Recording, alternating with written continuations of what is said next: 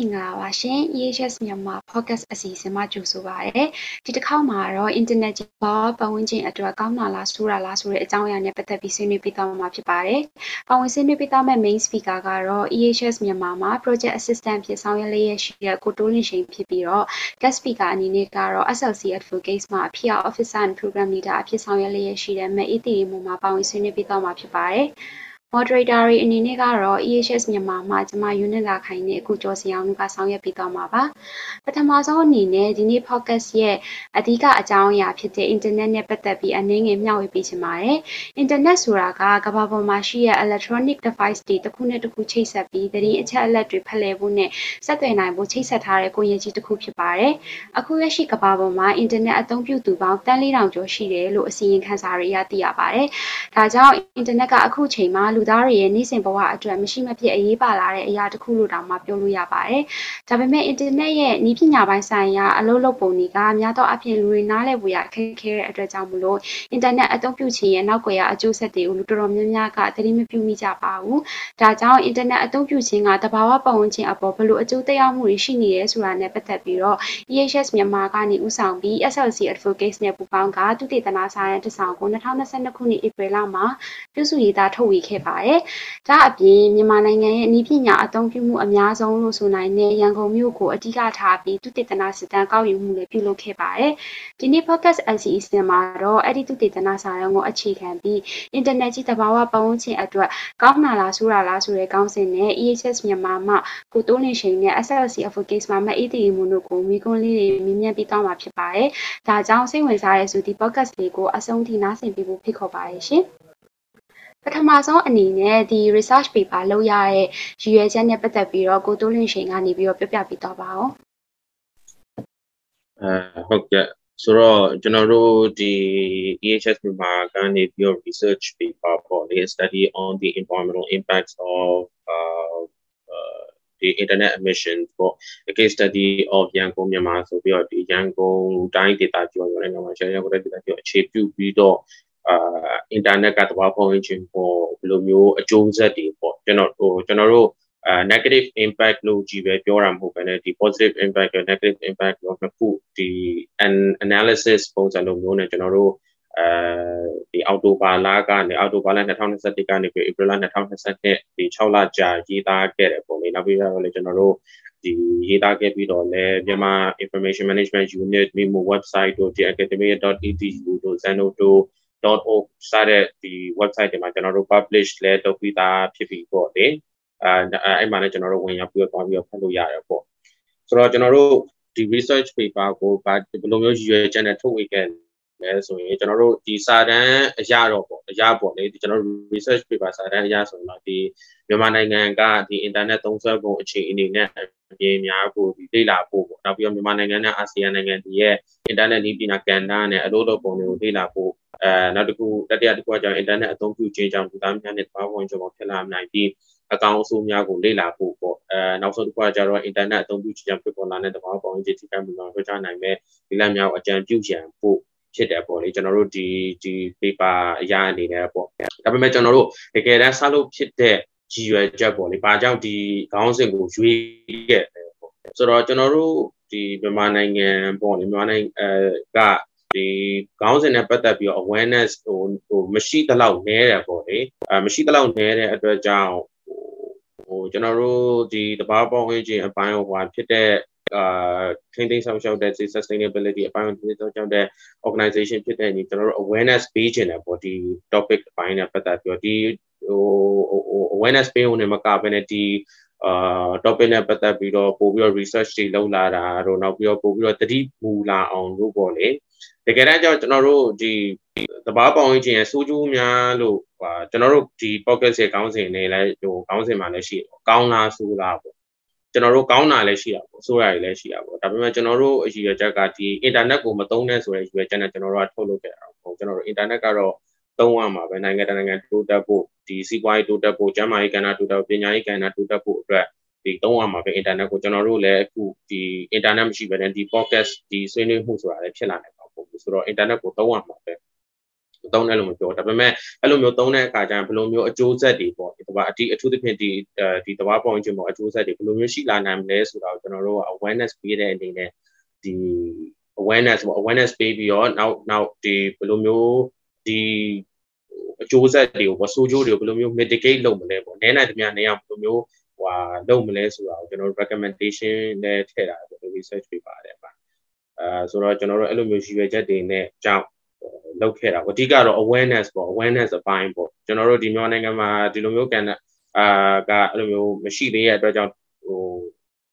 ဟို data ဒီကောက်တဲ့အနေအမှာလည်းတော်တော်လေးခက်ခဲရှိခဲ့ပေါ့လေအဲ့တော့အဲနောက်ပိုင်းလည်းပို့ပြီးတော့ဟိုဖြစ်သွားအောင်လို့မျိုးဟိုအကြောင်း awareness ပိုင်းပို့ပြီးတော့တိုးတက်သွားလို့ကျွန်တော်တို့ဒီ data ကိုထုတ်လုပ်ခဲ့တာဟုတ်ကဲ့ ဟုတ်ကဲ့ဖြေကြားပေးတဲ့အတွက်ကျေးဇူးတင်ပါတယ်။နောက်ပြီးတော့ပေါ့နော်ဒီ SLC advocates အနေနဲ့ရောလက်တလောဘယ်လိုဆောင်ရွက်မှုတွေရှိနေရဲဆိုတာကိုလည်းမျှဝေပေးပါအောင်။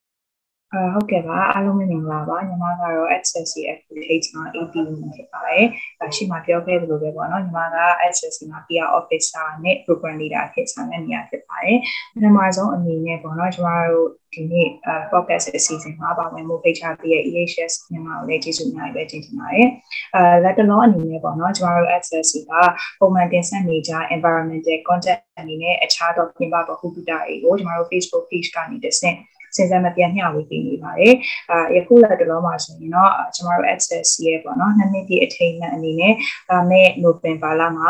free workshop လေးတစ်ခုပြုလုပ်ဖို့စီစဉ်ထားပါတယ်။အဲဒီ workshop ကိုတော့ကျမတို့ Zoom platform ကိုအသုံးပြုပြီးတော့ပြုလုပ်မှာဖြစ်ပြီးတော့ဒီ environment နဲ့သက်ဆိုင်တဲ့ topic တွေကိုအဓိကထားဆွေးနွေးမှာဖြစ်ပါတယ်။အဲဒီ topic ရဲ့ပေါ့နော်အသေးစိတ်အကြောင်းအရာတွေကိုတော့ကျမတို့ Facebook page မှာ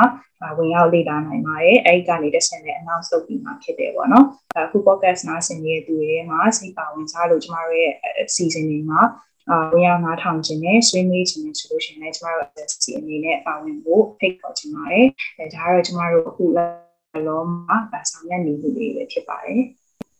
ဟုတ်ကဲ့ပြည့်ပြည့်စုံစုံဖြည့်ကြားပေးသွားတဲ့ဒီကိုတိုးလင်းရှိန်နဲ့မတ်အေးသီရီမောကျေးဇူးတင်ပါတယ်ခင်ဗျဟုတ်ချက်ပြီးတော့မေးချင်တာကဒီအင်တာနက်မှာကြိုးတက်ဆင်ထားတဲ့အင်တာနက် wire internet နဲ့ကြိုးမဲ့ internet wireless internet ဆိုပြီးတော့နှမျိုးရှိရခင်ဗျအဲ့ဒီနှမျိုးရဲ့ကွာခြားချက်ကဘာလဲထပ်ပြီးတော့အဲ့ဒီနှမျိုးကနေထွက်တဲ့ကာဗွန်ထွက်ရှိနှုန်းကလည်းအတူတူပဲလားမတူဘူးလားဆိုတာကိုကိုတိုးလင်းရှင်အနေနဲ့ဖြေကြားပေးပါအောင်ခင်ဗျအာဟုတ်ကဲ့ဆိုတော့ကျွန်တော်တို့ဒီ wire internet wireless internet ပေါ့လေကျွန်တော်တို့ဒီ research paper ထဲမှာလည်း how does the internet work uh, how does the internet work ဆိုတဲ့ခေါင်းစဉ်အမှလည်းဒီအကြောင်းတွေကိုရှင်းပြခဲ့တယ်ပေါ့ဆိုတော့ကျွန်တော် wireless wireless internet ရဲ့ဒီ carbon emission အကြောင်းကိုမပြောခင်ပေါ့လေဆိုတော့ internet ရဲ့အလုပ်လုပ်ပုံကိုကျွန်တော် internet ရဲ့အလုပ်လုပ်ပုံနဲ့တဘာပုံချင်းပုံမှာရှိ internet negative impact တွေကဘယ်ကနေလာလဲဆိုတော့ကျွန်တော် briefly ပြောချင်တာပေါ့ဆိုတော့ internet ကဘယ်လိုလုပ်လုပ်လဲပေါ့တကယ်ပြောရမယ်ဆိုရင်ကျွန်တော်ကဒီ ICT ပေါ့ information and communication technology နဲ့ပတ်သက်ပြီးတော့ expert လည်းမဟုတ်ဘူးပေါ့လေကျွန်တော် research paper လုပ်တော့လည်းဒီသူများရေးထားပြီးသားသူများလုပ်ထားပြီးသားစာတွေကိုအကုန်ဖတ်ပြီးတော့ပဲဟိုရေးခဲ့ရတာပေါ့ဆိုတော့ကျွန်တော်ဒီ expert ဘိုင်းမဟုတ်ပြင်မဲ့ကျွန်တော်ဖတ်တလောက်မှတ်တလောက်ပြောရမယ်ဆိုရင် internet ကဒီ ဟို internet ဆိုတာကကျွန်တော်တို့ information တွေ data တွေ send တဲ့ data တွေပို့တဲ့ဟိုပေါ့အရာကြီးတစ်ခုလိုမျိုးပေါ့ဒီဟိုရှုပ်ထွေးတဲ့ complex ဖြစ်တဲ့ဟိုကွန်ရက်ကြီးပေါ့ network ကြီးတစ်ခုဖြစ်တယ်ပေါ့လေအဲဒီမှာဥပမာအနေနဲ့ကျွန်တော်အဲဥပမာအနေနဲ့တစ်ခုပြောမယ်ဆိုကျွန်တော် email ပေါ့ထားပါတော့ email ပို့မယ်ဆိုရင်ကျွန်တော်တို့ဒီဖုန်းကနေပြီးတော့ email ပို့လိုက်မယ်အဲကျွန်တော်တို့အဲထားပါတော့ American နိုင်ငံမှာရှိတဲ့ email လက်ခံရရှိတဲ့သူရောက်ပါဆိုတော့အဲ့ email ပို့လိုက်တဲ့စာပေါ့ စာဖြစ်မယ်ပုံဖြစ်မယ်စသဖြင့်ပေါ့ attachment ဖြစ်မယ်စသဖြင့်ပေါ့အဲ့ဒီဥစ္စာတွေကကျတော့ဒါက information ပေါ့ကျွန်တော်တို့ဟိုအဲကြောင့်0101 information data ကြီးပဲပေါ့လေအဓိကကတော့အဲဆိုတော့ဒီ data တွေကြီးပဲဖြစ်တယ်ပေါ့လေအဲဒီတော့ကျွန်တော်တို့ဒီ email ပို့လိုက်တဲ့အခါကျရင်ကျွန်တော်တို့ဒီ wifi ကနေပဲဖြစ်ဖြစ်ပေါ့ wifi ကနေပဲဖြစ်ဖြစ်ဒီ ethernet internet ကနေပဲဖြစ်ဖြစ်ကျွန်တော်တို့ဟိုပို့ပို့တယ်အဲ့ဒီ0101ဒီ information တွေကကျွန်တော်တို့ data center ကိုရောက်သွား data center နေမှာတစင်းအဲဒီ tower တိုင်းတွေကျိုးတွေကိုဖြတ်တယ် sea underwater cable တို့ဖြတ်ပြီးတော့သူလက်ခံရရှိတဲ့သူရောက်လက်ခံရရှိတဲ့သူရောက်သွားတယ်ပေါ့လေဒီအဲအဲ့လိုမျိုးပေါ့ဆိုတော့ကျွန်တော်တို့ဒီနောက်တစ်ခုကကျတော့ internet negative impact ကဘ ယ်ကနေပြီးတော့လာတယ်ပေါ့ကျွန်တော်တို့ဘယ်ကနေပြီးတော့လာလဲဆိုရင်ကျွန်တော်တို့ရေဘူးရအားဖြင့်အပိုင်း၃ပိုင်းခွဲနိုင်တယ်ပေါ့လေအပိုင်း၃ပိုင်းခွဲနိုင်တယ်ပေါ့အဓိကတော့ပထမအုပ်ဆုံးအနေနဲ့ဒီကျွန်တော် research paper မှာလည်းဒီခုအပြင်အပိုင်း၃ပိုင်းခွဲပြီးတော့ပြောထားတယ်ပေါ့ပထမတစ်ခုကကျတော့ devices ပေါ့ကျွန်တော်တို့အခုသုံးတဲ့ laptop တွေရှိမယ် computer တွေရှိမယ် mobile phone တွေရှိမယ်စသဖြင့်ပေါ့အဲနောက်တစ်ခုကကျတော့ data center ပေါ့ကျွန်တော် data center ကိုအလွယ်ကူဆုံးပြောရမယ်ဆိုရင် data center ဆိုတာကျွန်တော်တို့ဟို computer တွေအကုန်ပြည့်နေတဲ့အခန်းတစ်ခန်းပေါ့ဟိုအလွယ်တခုပြောရမယ်ဆိုရင်ကျွန်တော်တို့ရုပ်ရှင်တွေမှာလည်းရုပ်ရှင်တွေနဲ့မှလည်းမြင်မြင်ရနိုင်မှာပေါ့ကျွန်တော်တို့ဟိုအမောအမဲဘုံတွေအကြီးတွေထောင်ထားပြီးအခန်းတစ်ခန်းထဲမှာမီးအောင်တွေလင်းချိန်နေတာဆိုအဓိကအဲ့ဒါကျွန်တော်တို့ဟိုကွန်ပျူတာတွေပဲတနည်းအားဖြင့်ပြောရမယ်ဆိုရင်ဒီကျွန်တော်တို့ခုနပြောရပို့လိုက်တဲ့ data တွေ information တွေကိုကျွန်တော်တို့သိမ်းဆည်းမယ်အဲဘယ်သူရှိကိုပို့မလဲဆိုတာကိုအဲ ကျွန်တော်တို့လိုချင်တဲ့သူရှိကိုပို့မယ်အဲနောက်ပြီးတော့ process လုပ်မယ်ဒီ information ကို process လုပ်မယ် store လောင်းမယ်နောက်ပြီးတော့ပို့တဲ့ဒီလုပ်ငန်းဆောင်တာတွေကိုလုပ်လုပ်နေတဲ့အရာကြီးပေါ့ကွန်ပျူတာအကြီးပေါ့ဒီကျွန်တော်တို့ဒီဟို laptop တို့ဟိုဟာ desktop တို့ဟိုကွန်ပျူတာတို့ဟိုပြောလို့ရတယ်အဲ့လိုမျိုး process လုပ်နေတဲ့ဥစ္စာတွေကို computing ပေါ့တွက်ချက်နေတဲ့ဥစ္စာကြီးကို data center လို့ခေါ်လို့ရတယ်ပေါ့လေ ဆိုတော့နောက်တစ်ခုကကျတော့ communication network ပဲ communication network ကကျတော့ကျွန်တော်တို့မျက်စိနဲ့မြင်နိုင်မှာပေါ့လေကျွန်တော်တို့ဒီ tower တိုင်းတွေတို့ဟာပါတော့ဒီမြေအောက် cable ကြိုးတွေတို့အဲ့လိုမျိုးဟွာတွေကိုဟွာဟိုဖြစ်အဲ့အမျိုးကျွန်တော်တို့ communication network လို့ပြောနိုင်တယ်ပေါ့ဆိုတော့ devices တွေကကြတော့ကျွန်တော်တို့ဒီဒီ negative impact ဘယ်လိုမျိုးဖြစ်လဲပေါ့ကျွန်တော် devices တွေကကြတော့ဟိုတွေးရင်တော့လွဲပါတယ်ကျွန်တော်တို့ဒီဖုန်းတစ်ပုံဖုန်းတစ်လုံးထုတ်ဖို့အတွက် ဟိုတဘာတန်စာတိုင်းအသုံးပြုရရွှေသုံးရမယ်တွေသုံးရမယ်အဲတမနီအလူမီနီယမ်အဲနောက်ပြီးတော့ဒီ battery အတွက်ဒီ cobalt တို့ lithium တို့အဲ silicon တို့စသဖြင့်အသုံးပြုရတဲ့အဲ့တန်စာတိုင်းကိုထုတ်ရတယ်ပေါ့လေအဲ့ဒီအတွက် mining impact ဖြစ်လာမှာပေါ့နောက်တစ်ခုကကြတော့ကျွန်တော်တို့ဒီအသုံးပြုတဲ့အချိန်ပေါ့ operation phase လို့ပြောရမှာ အသုံးပြုတဲ့အချိန်မှာကျွန်တော်တို့အားသွင်းရတယ်ပေါ့ဟို laptop ဖုန်းတွေကိုကျွန်တော်တို့ laptop တွေအားသွင်းရအဲ့ကကြာရင်ကျွန်တော်တို့ဒီလျှက်စစ်သုံးရတယ်ပေါ့ဘယ်လိုလျှက်စစ်သုံးတဲ့နေရာမှာအဲ့လျှက်စစ်တွေကဒီကျွန်တော်တို့ဒီရေနံတို့ကြောင်မီးသွေးတို့ကိုပဲထုတ်သုံးပြုပြီးတော့ထုတ်လုပ်နေမှာဆိုတော့ဒီလျှက်စစ်အသုံးပြုတာလည်းဒီဟိုတဘာပေါင်းဝန်းကျင်ကိုထိကြိုက်တယ်ပေါ့ indirectly အနည်းရပေါ့ပေါ်ဝိုင်းပြီးတော့ကျွန်တော်ထိကြိုက်လာတယ်ပေါ့ဒီဒီလိုမျိုး result တွေဖြစ်လာနိုင်ဆိုတော့ climate change ကို global warming ကျွန်တော်တို့သိရတယ်ဖြစ်လာနိုင် အာဆိုတော့နောက်တစ်ခုကကြတော့ဒီအသုံးပြုပြီးပေါ့အသုံးပြုပြီးကျွန်တော်တို့တရားဖုန်းကအသုံးလို့မရတော့ဘူးအာဆောက်သွားပြီးနောက်တစ်ခုအသစ်ပြန်ဝင်တော့မယ်ဆိုတော့အဲ့ဟိုမကောင်းတဲ့ဖုန်းကိုအာလွှတ်ပြင်းလွှတ်ပြတာမဟုတ်လေကျွန်တော်တို့တခြားနိုင်ငံမှာဆိုရင်ဒီလဲတာပေါ့လေလဲပြီးတော့ဟိုဟို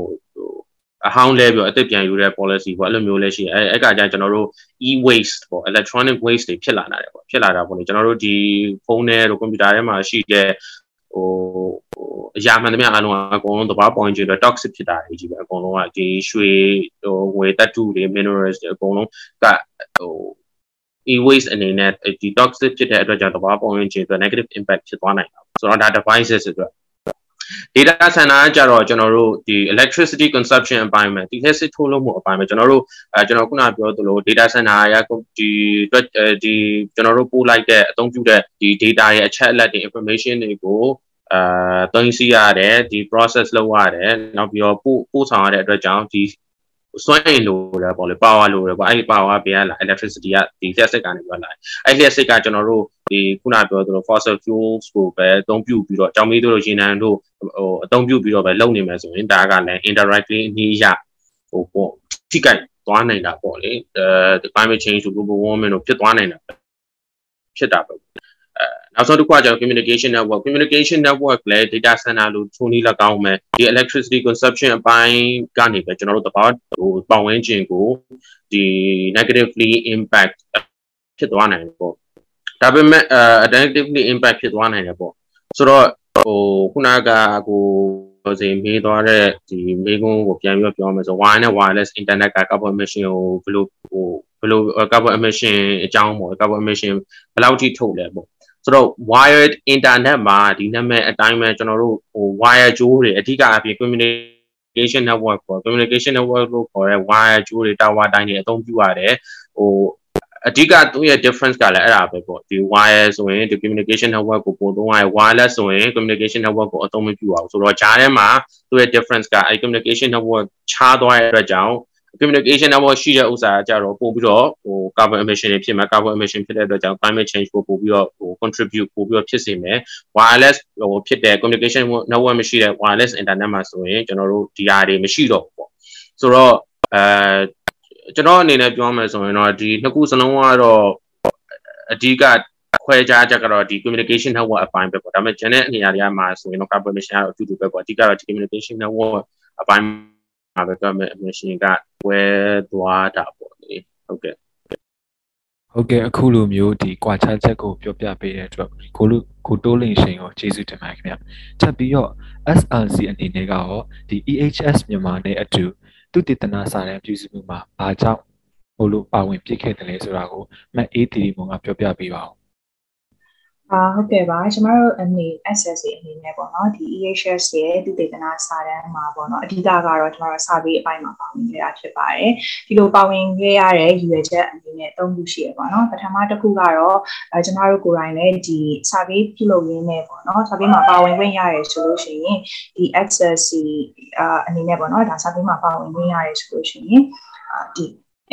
internet နဲ့ပေါ့နော် environment ခြားကစက်မှုမှုတွေကိုပို့ပြီးတော့လေ့လာခွင့်ရမယ်နောက်ပြီးတော့ဒါ research တွေကိုလည်းအာဒါကိုကိုယ်တိုင်အာလုပ်မှလုပ်ခွင့်ရမယ်ပေါ့နော်ဆိုတော့ဒီလိုရွေချက်တွေနဲ့ပါဝင်ကြတာဖြစ်ပါတယ်အဲနောက်တစ်ခုအနေနဲ့ကတော့ဒါ EHS ရဲ့သူတည်တနာစာတမ်းမှာပါဝင်ခွင့်ရတဲ့အတွက်ကျမတို့အနေနဲ့ working experience တွေလည်းဒါရတယ်ပေါ့နော်အဲဒီလိုရွေချက်တွေလည်းပါပါတယ်အာနောက်ဆုံးပေါ့နော်အဓိကအကြဆုံးနဲ့အရေးကြီးဆုံးကတော့ကျမတို့ကအခုလိုကျမတို့သူတည်တနာပြုစုထားတဲ့စာတမ်းတွေဒါစစ်တမ်းကောက်ယူထားတဲ့ဟာတွေကို ပေါ့နော်အများပြည်သူတွေကိုတည်အောင်မျှဝေခြင်းနဲ့ awareness ပေးခြင်းနဲ့ရွေးချက်လည်းပါပါတယ်အဲရှေ့မှာပြောခဲ့သလိုမျိုးပဲပေါ့နော် internet emission နဲ့ environment ခြားကပေါ့နော်ဆက်နေလို့ပါဆိုလို့ရှိရင်အာဒါတည်ရတဲ့သူတွေလည်းရှိကောင်းရှိနေအာဒါမတည်သေးတဲ့သူတွေလည်းရှိနေပေါ့နော်ဒီအပိုင်းနဲ့ပတ်သက်ပြီးတိတ်ပြီးမရင်းမိတဲ့သူတွေလည်းရှိနေအဲ့တော့ကျမတို့ဒီသူတေသနာစာရန်ကိုအာဒါဖြန့်ဝေလိုက်ခြင်းအပြင်မျှဝေလိုက်ခြင်းအပြင်ပေါ့နော်ဒီအကြောင်းကိုမတည်သေးတဲ့သူတွေကလည်းပို့ပြီးတော့တည်လာမယ်အာရင်းနှီးပြီးသားသူတွေကလည်းဒါနဲ့ပတ်သက်တဲ့အကြောင်းအရာတွေကို data အတိအကျနဲ့တကွလေ့လာခွင့်ရမယ်ပေါ့နော်ဟုတ်ကဲ့ဒီလိုမျှဝေခြင်းနဲ့ရွေးချက်နဲ့ပါဝင်ဖြစ်ခဲ့တာဖြစ်ပါတယ်ဟုတ်ကဲ့ပါကျေးဇူးတင်ပါတယ်ခင်ဗျဟုတ်ကဲ့ပါရှင်အာကိုတိုးလိရှိန်အနေနဲ့ပေါ့နော်ခုနကတော့ဆိုရင်ဒီ wire internet နဲ့ wireless internet ကြားကကွာခြားချက်တွေအကြောင်းပြောသွားရဲဆိုတော့လေဒါဆိုရင် internet အသုံးပြုခြင်းမရှိဘဲနဲ့ဒီ message ပို့တာတွေ phone call ဆိုတာတွေကရော carbon emission ထွက်ပါသလား ဟုတ်ကဲ့ဆိုတော့ကျွန်တော်ဟိုပြောတခုပြောရမယ်ဆိုရင်တော့ကျွန်တော် information data အဲဟိုအချက်လက်တခု fact ကိုကျွန်တော်ပြောချင်တာပေါ့တရားနဲ့ပတ်သက်ပြီးဆိုတော့ကျွန်တော်တို့ဒီ honestmobile.com.uk ဆိုတဲ့ website ကနေပြီးတော့ကျွန်တော်တို့ကောက်နှုတ်တဲ့တောင်းနှုတ်လာခဲ့တဲ့ဟိုပါပေါ့ဆိုတော့အဲ10မိနစ်ဖုန်းခေါ်ဆိုမှုကကြတော့ဒီ0.1 kg ဟိုကာဗွန်ကာဗွန်ဒိုင်အောက်ဆိုက်ကိုထုတ်လုပ်တယ်0.1 kg ပေါ့ အဲဒီ SMS ပေါ့ SMS ဆိုတာကျွန်တော်တို့ Messenger တို့ WhatsApp တို့မှာပါမယ်ကျွန်တော်တို့ရိုးရိုးဖုန်းထဲမှာပါတဲ့ဟို SMS ပေါ့လေ SMS ကိုကျွန်တော်တခုပို့မယ်ဆိုရင်0.014 kg of CO2 ပေါ့ဒီဒီ0.014အဲ CO ဟို kilogram ညီမျှတဲ့ကာဗွန်ဒိုင်အောက်ဆိုက်ထွက်တယ်ပေါ့လေဆိုတော့ကျွန်တော်တို့ internet အပိုင်းပေါ့ internet ကိုဒီ1 gigabyte ပေါ့1 gigabyte internet အဲ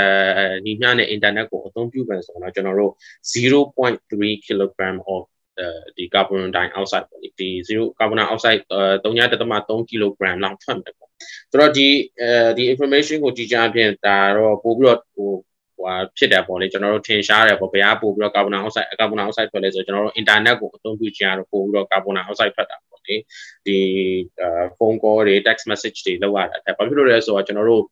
ဒီဖုန်း call တို့ဟို text message တို့ကျွန်တော် text message ဆိုတာကလည်းများသောအားဖြင့်ကျွန်တော်တို့ဓာတ်ပုံတို့ဘာလို့ပို့လို့မရဘူးဒီများသောအားဖြင့်ပေါ့လေကျွန်တော် iPhone ချင်း iPhone ချင်းဆိုရင်တော့ကျွန်တော်တို့ပို့ချင်တော့ပို့လို့ရမယ်ပေါ့ Apple device ချင်းချင်းဆိုတော့ဒါပေမဲ့သူကကြတော့ community တခုတွေကလောက်တာဆိုတော့ဒါပေမဲ့အာ Samsung ကနေပြီးတော့ Apple ဖုန်းကိုပို့မယ် Apple ဖုန်းကနေပဲ Xiaomi ဖုန်းကိုပို့မယ်စသဖြင့်ပေါ့အဲ့လိုမျိုးပို့တဲ့အခါကျရင်ကျွန်တော်တို့ပုံမှန်အဖြစ် ပုံတို့ sorry ဒီစာပဲပေါ့စာတို့ emoji တို့လိုမျိုးပဲကျွန်တော်တို့ပို့လို့ရဓာတ်ပုံကကျွန်တော်တို့ပို့လို့မရပို့ဖို့ခက်ခဲတယ်ပေါ့လေဆိုတော့ပြောရမယ်ဆိုရင်ဒီ data ပေါ့ information တွေကအာ process လုပ်ရတာလွယ်တယ်ဟို site သေးတဲ့အတွက်ကြောင့်ဒီကျွန်တော်တို့စာပဲပို့ရတာတော့ phone call တို့ဘာလို့ကကြာအဲ့လောက်ထိဟိုမှာဖြစ်တော့ information ကျွန်တော်တို့လုပ်နေတဲ့ဒီ လုပ်ငန်းဆောင်တာပေါ့လုပ်ငန်းဆောင်တဲ့ information ကိုကျွန်တော် data center တွေကနေပြီးတော့ process လုပ်ဖို့သိမ်းဆည်းဖို့ထုတ်လုပ်ဖို့ကကြတော့လွယ်လွယ်လေးအဲ့လောက်ထိပါဝါမလိုအပ်ဘူးဒါပေမဲ့ internet ကိုအသုံးပြုဖို့ကြတော့ကျွန်တော်တို့ internet ဆိုရင်အကုန်ပါသွားပြီပေါ့တို့ Google သုံးမလား Facebook ပေါ်မှာပဲပုံတင်မလား Instagram ပေါ်မှာပုံတင်မလားစသဖြင့်မှာအဲ့လိုမျိုးလုပ်တဲ့အတွက်ကြောင့်ကျွန်တော်လုပ်ငန်းဆောင်တာ operation ရတော့ပို့ပြီးတော့ complex ဖြစ်သွားပြီဒီ data center တွေအတွက် ဟိုဟိုပို့ပြီးတော့ကျွန်တော်တို့ဟို size ကလည်းပို့ပြီးတော့ကြီးသွားပြီပေါ့ကျွန်တော်တို့ပုံတပုံဟိုဟွာပို့ပြီးတော့ကြည်လင်ပြတ်သားစေရပုံကိုပို့မယ်ဆိုရင်ပို့ပြီးတော့ဒီ size ကပိုကြီးသွားမယ်အဲဥမာထားပါတော့ကျွန်တော်တို့အဲ100 GB လောက်ဟို1 GB လောက်ရှိတဲ့ပုံကြီးကိုကျွန်တော်ဟိုပို့မယ်နောက်ပြီးတော့1 GB လောက်ရှိတဲ့အဲ game တွေပေါ့ game တွေကိုကျွန်တော်တို့ upload လုပ်မယ် download လုပ်မယ်ဆိုရင်ကျွန်တော်တို့ site ဆက်ပို့ကြည့်သွားရင်ပို့ပြီးတော့ operation လုပ်ငန်းဆောင်တာရဲ့ဟိုလုပ်တင်ရလဲပို့ပြီးတော့များသွားတဲ့အတွက် data center ရဲ့ပို့ပြီးတော့ processing လုပ်ရတယ်ပို့ပြီး processing လုပ်ရတဲ့အတွက်ကြောင့်ပို့ပြီး electricity ကိုသုံးရ electricity ကိုပို့သုံးရတဲ့အတွက်ကြောင့်အဲ့ဒီ electricity ကိုထုတ်လုပ်တဲ့ဟိုပေါ့ဟိုပေါ့ဒီ source ပေါ့ဒီအရင်းမြစ်ကဒီ fossil fuel ကိုသုံးရအများစုအခုခေတ်ချိန်ကြီးအများစုက fossil fuels ဒီကြောင်မီးသွေးတို့ရေနံတို့သုံးရတဲ့အတွက်ကြောင့် CO2 ကတော့ CO2 emission ထွက်လာတာပေါ့ ဆိုတော့အဲဒါပေမဲ့လည်းကျွန်တော်ဒီလိုမျိုးပြောနေမဲ့ပေမဲ့လည်းအခုအချိန်အထိကတော့ကျွန်တော်တို့ internet ဒီ ICT ပေါ့ telecommunication ကနေပြီးတော့လာတဲ့ cover emission ကကျန်တဲ့ sector တွေဖြစ်တဲ့ဒီ construction အဲ transportation စသဖြင့်အဲ sector နဲ့ရှင်းလိုက်မယ်ဆိုရင်တော့ဒီ carbon emission နည်းသေးတယ်အခုချိန်ဒီ percentage ရပါကျွန်တော်တို့ဟို10%လောက်တောင်မကျော်သေးဘူးအခုချိန်ဒီ3% 2% 5%အဲ့လောက်ဒီပဲရှိသေးတယ်ဆိုတော့အခုချိန်ဒီကတော့ကျွန်တော်နည်းတော့နည်းသေးတယ်ပေါ့အဲ ဆိုတော့ဒီမိကုန်းပြန်ပြောရမယ်ဆိုတော့အဓိက internet ကတော့ပို့ပြီးတော့ဒီ text message တို့ဒီ phone call တို့ထက်တော့ပို့ပြီးတော့ carbon emission တာများတယ်ဒါပေမဲ့ဟိုဒါပြန်ကြည့်မယ်ဆိုတော့0.3ဆိုတာကတော့လည်းဖြစ်တဲ့အတွက်ကြောင့်ဟိုအများကြီးတော့မဟုတ်သေးဘူးပေါ့အခုချိန်ပြရတော့ဟုတ်ကဲ့ ဟုတ်ကဲ့ပါရှင်ဒီဒီစစလေးဖြစ်ပြီးသွားတဲ့အတွက်ကျေးဇူးအများကြီးတင်ပါတယ် SLC advocates အနေနဲ့ရောပေါ့နော်ဒီတုတိတနာစာတဲ့အတွက်စစ်တမ်းကောက်ယူတဲ့အခါမှာဘယ်လိုမျိုးအခက်အခဲတွေရှိခဲ့တယ်လဲဆိုတာကိုလည်းပြောကြပေးပါအောင်အာဟုတ်ကဲ့ပါဟုတ်ဒီ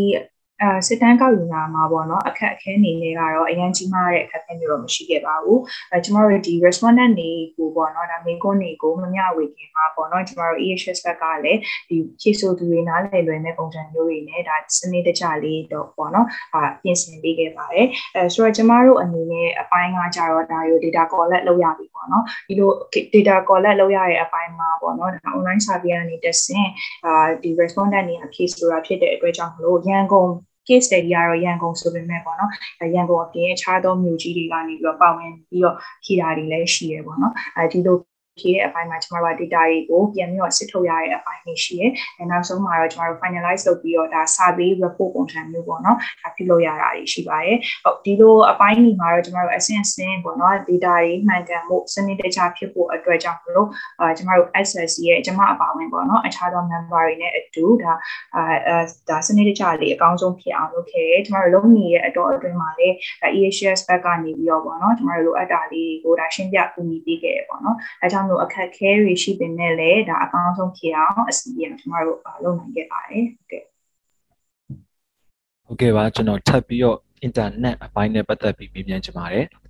ခုနကပြောခဲ့သလိုမျိုးဒီ internet မှာ wireless internet နဲ့ wire internet ဆိုပြီးတော့ အမျိုးရှိရဲ့အခုဒီ American billionaire ဒီ Elon Musk ကသူပိုင်တဲ့ SpaceX company ကနေ Starlink satellite internet ကိုမိတ်ဆက်ပေးခဲ့တယ်ပေါ့နော်အဲ့ဒီဘာကအလွယ်ပြောရမယ်ဆိုလို့ရှိရင် SpaceX company ကနေဒီ internet ကိုကမ္ဘာအနှံ့ဖြန့်ကျက်ထားတဲ့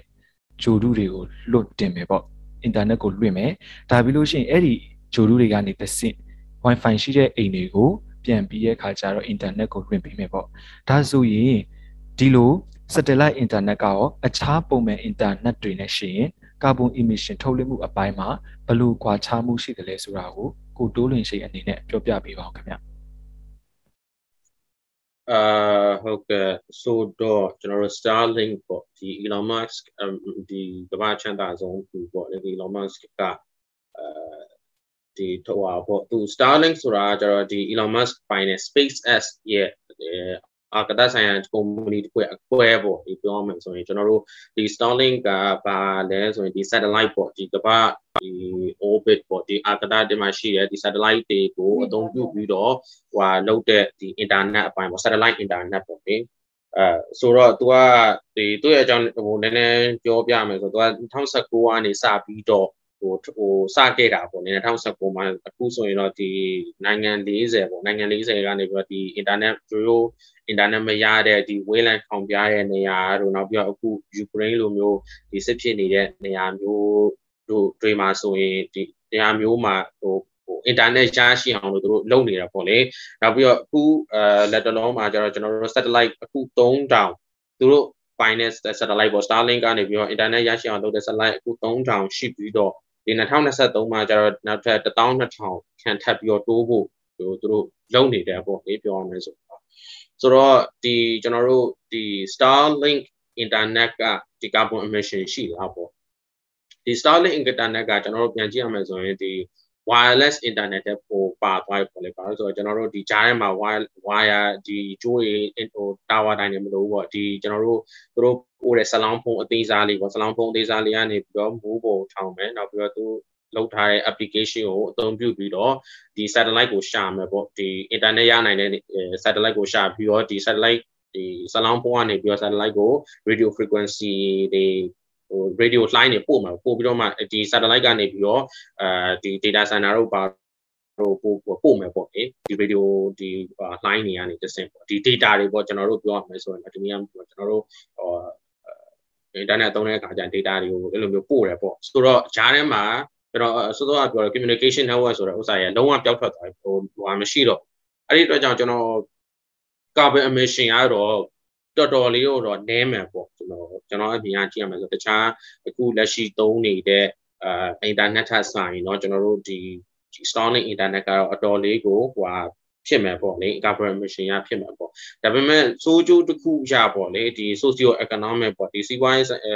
ဟိုအသုံးပြုမှုအပိုင်းမှာဟိုဟာပြန်ကြည့်မယ်ဆိုတော့ဒီ Starlink internet ကတော့တစ်ခုရှိရတော့သူက internet ညံနှုံးအောင်နှီးတော့နှီးတာပေါ့ဒီပုံမှန်အထက်ဒါပေမဲ့လည်းသူတို့ကတော့ဟို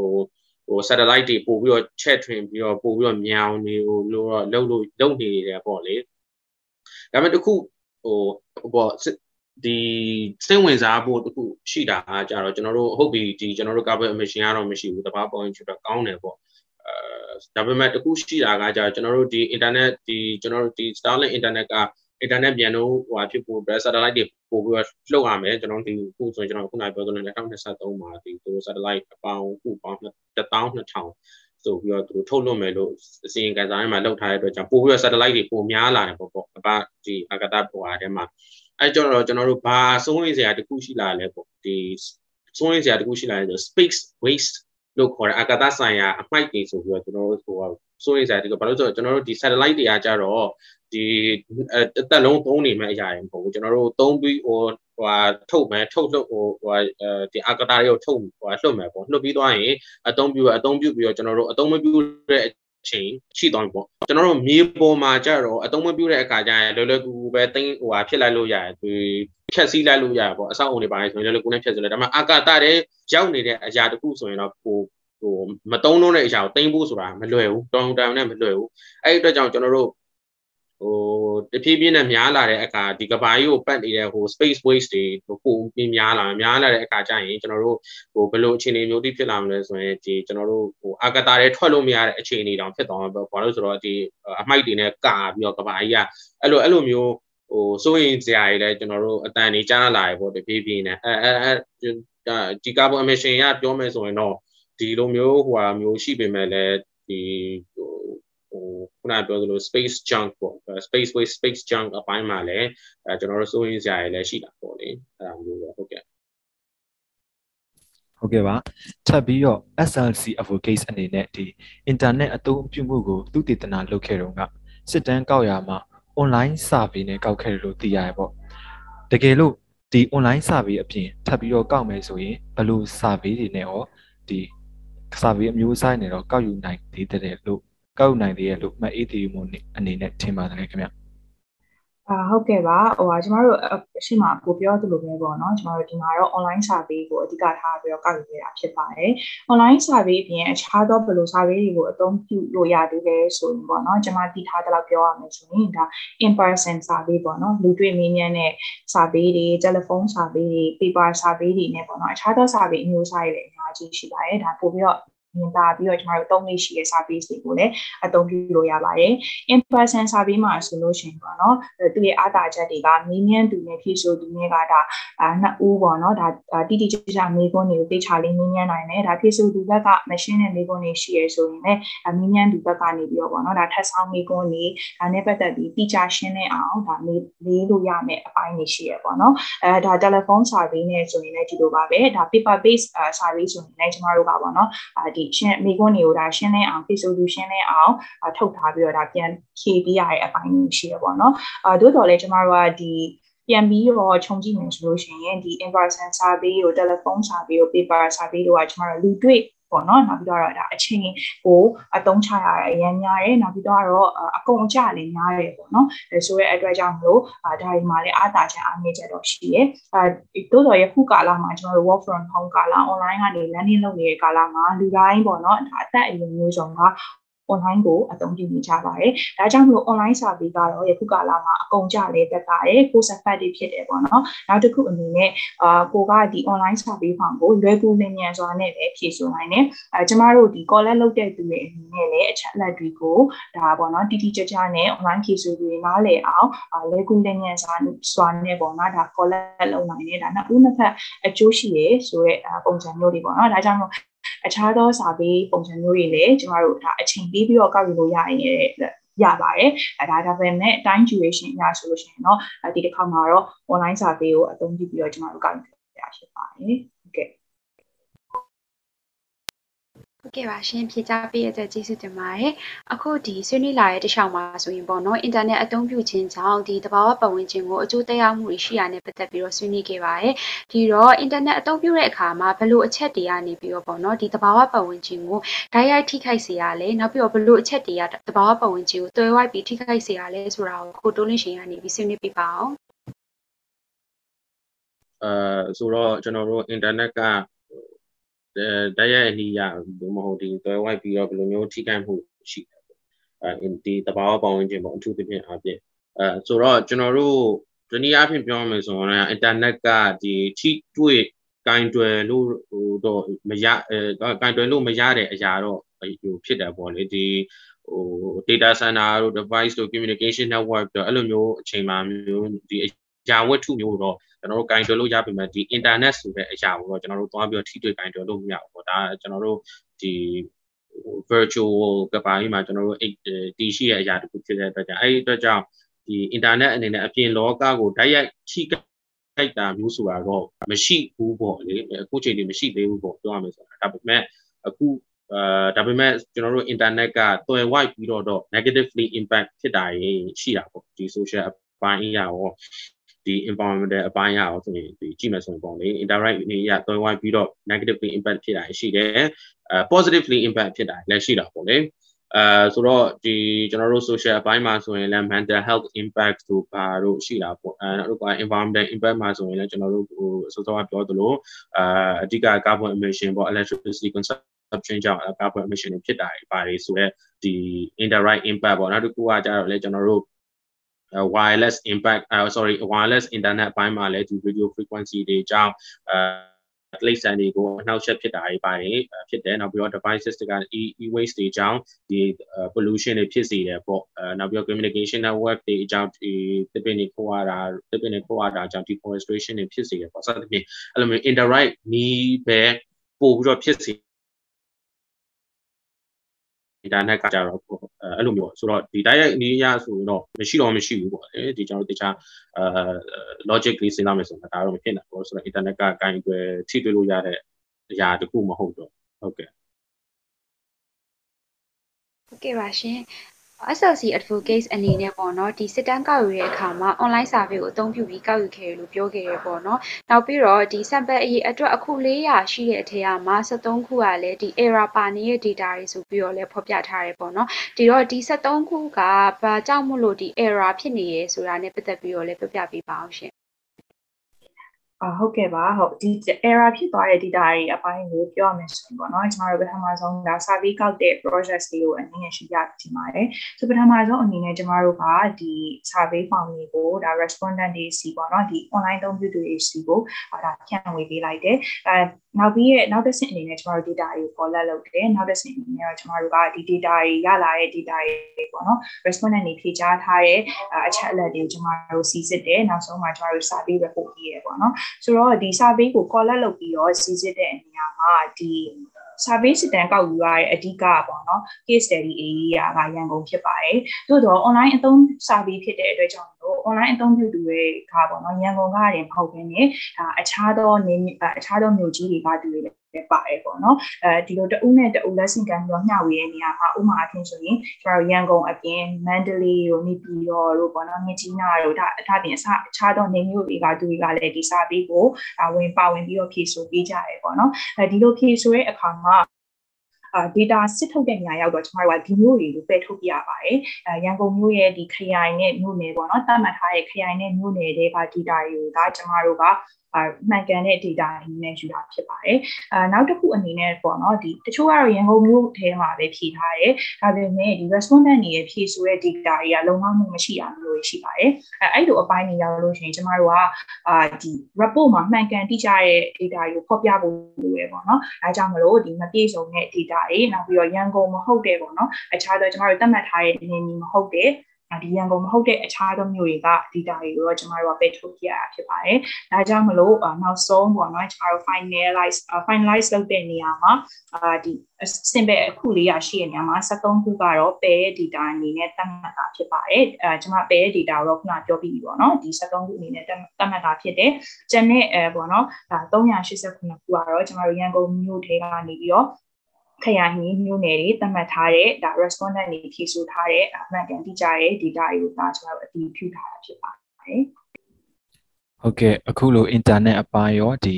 survey အပိုင်းရောပြည့်ပြည့်စုံစုံဖြည့်ချပေးသွားတဲ့ကိုတိုးလင်းရှိန်နဲ့မအေးတီမှုကိုကျေးဇူးတင်ပါတယ်ခင်ဗျ။ထပ်ပြီးတော့ဒီစာရန်မှာဖော်ပြထားပါတော့။အနာဂတ်မှာ internet အသုံးပြုခြင်းကနေထွက်လာမဲ့ကာဗွန်အရေးအတွက်ဟာအခုထက်တိုးလာမယ်လို့ဖော်ပြထားရပေါ့နော်။ ဒါကလည်းယုံမားစရာမရှိဘူးကျွန်တော်တို့အခု COVID-19 အပြီး new normal life မှာဆိုလို့ရှိရင်ဒီအတန်းတက်တယ်ဖြစ်ဖြစ်ဒီအလုပ်လုပ်တာပဲဖြစ်ဖြစ်ဒီ internet ကိုသုံးရတယ်ပေါ့နော်ဒါကြောင့်မို့လို့ဒီလိုမျိုးအခုလက်ရှိရင်ဆိုင်နေရတဲ့ plastic pollution ပြဿနာလိုပဲဒီလိုကာဗွန်အရည်အတွက်တိုးလာခြင်းကအနာဂတ်မှာအဓိကကျတဲ့ပတ်ဝန်းကျင်ဆိုင်ရာပြဿနာတစ်ရက်ဖြစ်လာနိုင်သလားဆိုတာကိုကိုတိုးလွင်ရှိန်ကပြောပြပေးပါဦးခင်ဗျာ အဲဟုတ်ကဲ့ဆိုတော့ကျွန်တော်တို့ဒီ internet ကဟိုအရင်အစောစောတုန်းကလည်းအမှန်ယူနေတာခိုင်ပြောသွားတယ်ပေါ့အခုဆိုရင်ကျွန်တော်တို့ internet သုံးတာဘီလီယံနဲ့ချီပြီးတော့ရှိလာပြီပေါ့လေနောက်နောက်ပိုင်းလည်းကျွန်တော်တို့ပို့ပြီးတော့ရှိလာအောင်ပေါ့ပို့ပြီးတော့ reliant internet ကိုပို့ပြီးတော့ reliant ဖြစ်လာအောင်ပါပေါ့လေဒီ age of digital digitalization ပေါ့ဘယ်ကဏ္ဍပဲဖြစ်ဖြစ်ဒီကျန်းမာရေးကဏ္ဍပဲပြောမလားဒီပညာရေးကဏ္ဍပဲပြောမလားစီးပွားရေးကဏ္ဍပဲပြောမလားဒီနိုင်ငံရေးကဏ္ဍကိုပဲပြောမလားဒီ digitalize တွေပို့ပြီးတော့ဖြစ်လာမယ်ပို့ပြီးတော့သုံးလာမယ်ပေါ့လေ internet ကိုဆိုတော့အဲ internet အသုံးပြုသူပိုများလာမယ်ကျွန်တော်တနည်းအားဖြင့်ပြောမယ်ဆိုတော့ဆိုတော့ဒီအခုချိန်မှာဒီဟိုပြဿနာကတတိလေးပြင်မဲ့ပေါ့ဒီခုနကျွန်တော်စောတော့ကလည်းပြောသလိုဒီ internet ကြောင့်ထွက်လာတဲ့ carbon emission ကဟိုဟာဟိုဒီတခြား sector နဲ့ရှင်ရင်ပေါ့မများသေးပြင်မဲ့လည်းဟိုဟာဒီမများသေးပြင်မဲ့လည်းဒီ နောက်ပိုင်းဟို regulation မထိုင်ပေါ့ regulation ဒီဟာကိုမထိန်ချုပ်ဘူးဒီဟာကို regulate မလုပ်ဘူးဆိုရင်တော့အမိုက်ကဆက်ပြတ်သက်မီးလောင်ဆိုပြီးတော့ဟိုဟာဒီအသေးလေးကနေပြီးတော့အကြီးနိုင်တယ်ပေါ့အဲကျွန်တော်တို့ဒီ plastic pollution ဘိုင်းဟိုခုနကကိုကျော်စံပြောတာ plastic ဒီ pollution ဆိုတဲ့ဥပမာအနေနဲ့ပြန်ကြည့်မှဆိုရင်တော့မှဒီ plastic ဆိုတာကဒီ19ရာစုနောက်ပိုင်း20ရာစုအစောပိုင်းလောက်မှာဒီ Swedish chemist ပေါ့လေဓာတုဗေဒပညာရှင်ကဟိုဟို တဘာပေါင်းချင်းထိန်းထိန်းချင်တဲ့ရည်ရွယ်ချက်နဲ့တီထွင်ခဲ့တာပေါ့တကယ်တမ်းပြောရမှာဆိုကျွန်တော်တို့အိုက်ခင်အိုက်ခါတော့ plastic 8ဆိုတာမရှိသေးတော့ဟိုစက်ကူ8တွေပဲအသုံးပြုခဲ့ပါစက်ကူ8လောက်ဖို့အတွက်ကျွန်တော်တစ်ပင်တွေခိုးရတာပေါ့လေအဲ့လိုမျိုးတစ်ပင်တွေခိုးရတဲ့အတွက်ကြောင့်ဒီလိုမျိုးမခိုးရတော့အောင်ဒီ plastic 8ကိုတီထွင်ခဲ့မှာဆို plastic 8ဆိုတာကဒီလိုနှစ်ပေါင်းများစွာအဲခံနိုင်ထိုင်နိုင်ရရှိတဲ့အတွက်ကြောင့်ကျွန်တော်ထက်ကထက်ကထက်ကထက်ကအသုံးပြုလို့ရတဲ့အတွက်ကြောင့်ဟိုတစ်ခုတည်းဟိုပဲခဏခဏအများဆုံး အဲပြောလို့ရတယ်ပေါ့လေအဲဆိုတော့ဒီဟိုဟာဟိုဒါပေမဲ့လည်းနောက်ပိုင်းကျတော့ဒီ regulation မလုပ်ဘူးဒီနောက်ပြီးတော့ဟိုဟာဟာမဖြစ်တဲ့အတွက်ကြောင့် regulate မဖြစ်တဲ့ regulation မလုပ်တဲ့အတွက်ကြောင့်ဟိုဟာ view မဆိုင်တဲ့အတွက်ကြောင့် plastic pollution ဆိုပြီးတော့ဒီပြဿနာကြီးအကြီးကြီးအဲဖြစ်လာတာပေါ့ဆိုတော့ အဲပြောရမယ်ဆိုရင်တော့ဒီ internet လဲထိုနည်း၎င်းပဲပေါ့လေကျွန်တော်တို့ regulation မထားရင်တော့ဒီအမိုက်ကစပြတ်သက်မြောင်ဆိုပြီးတော့အသေးလေးဟိုဟိုအနေပြီးတော့အကြီးကြီးဖြစ်လာမှာပေါ့လေဟုတ်ကဲ့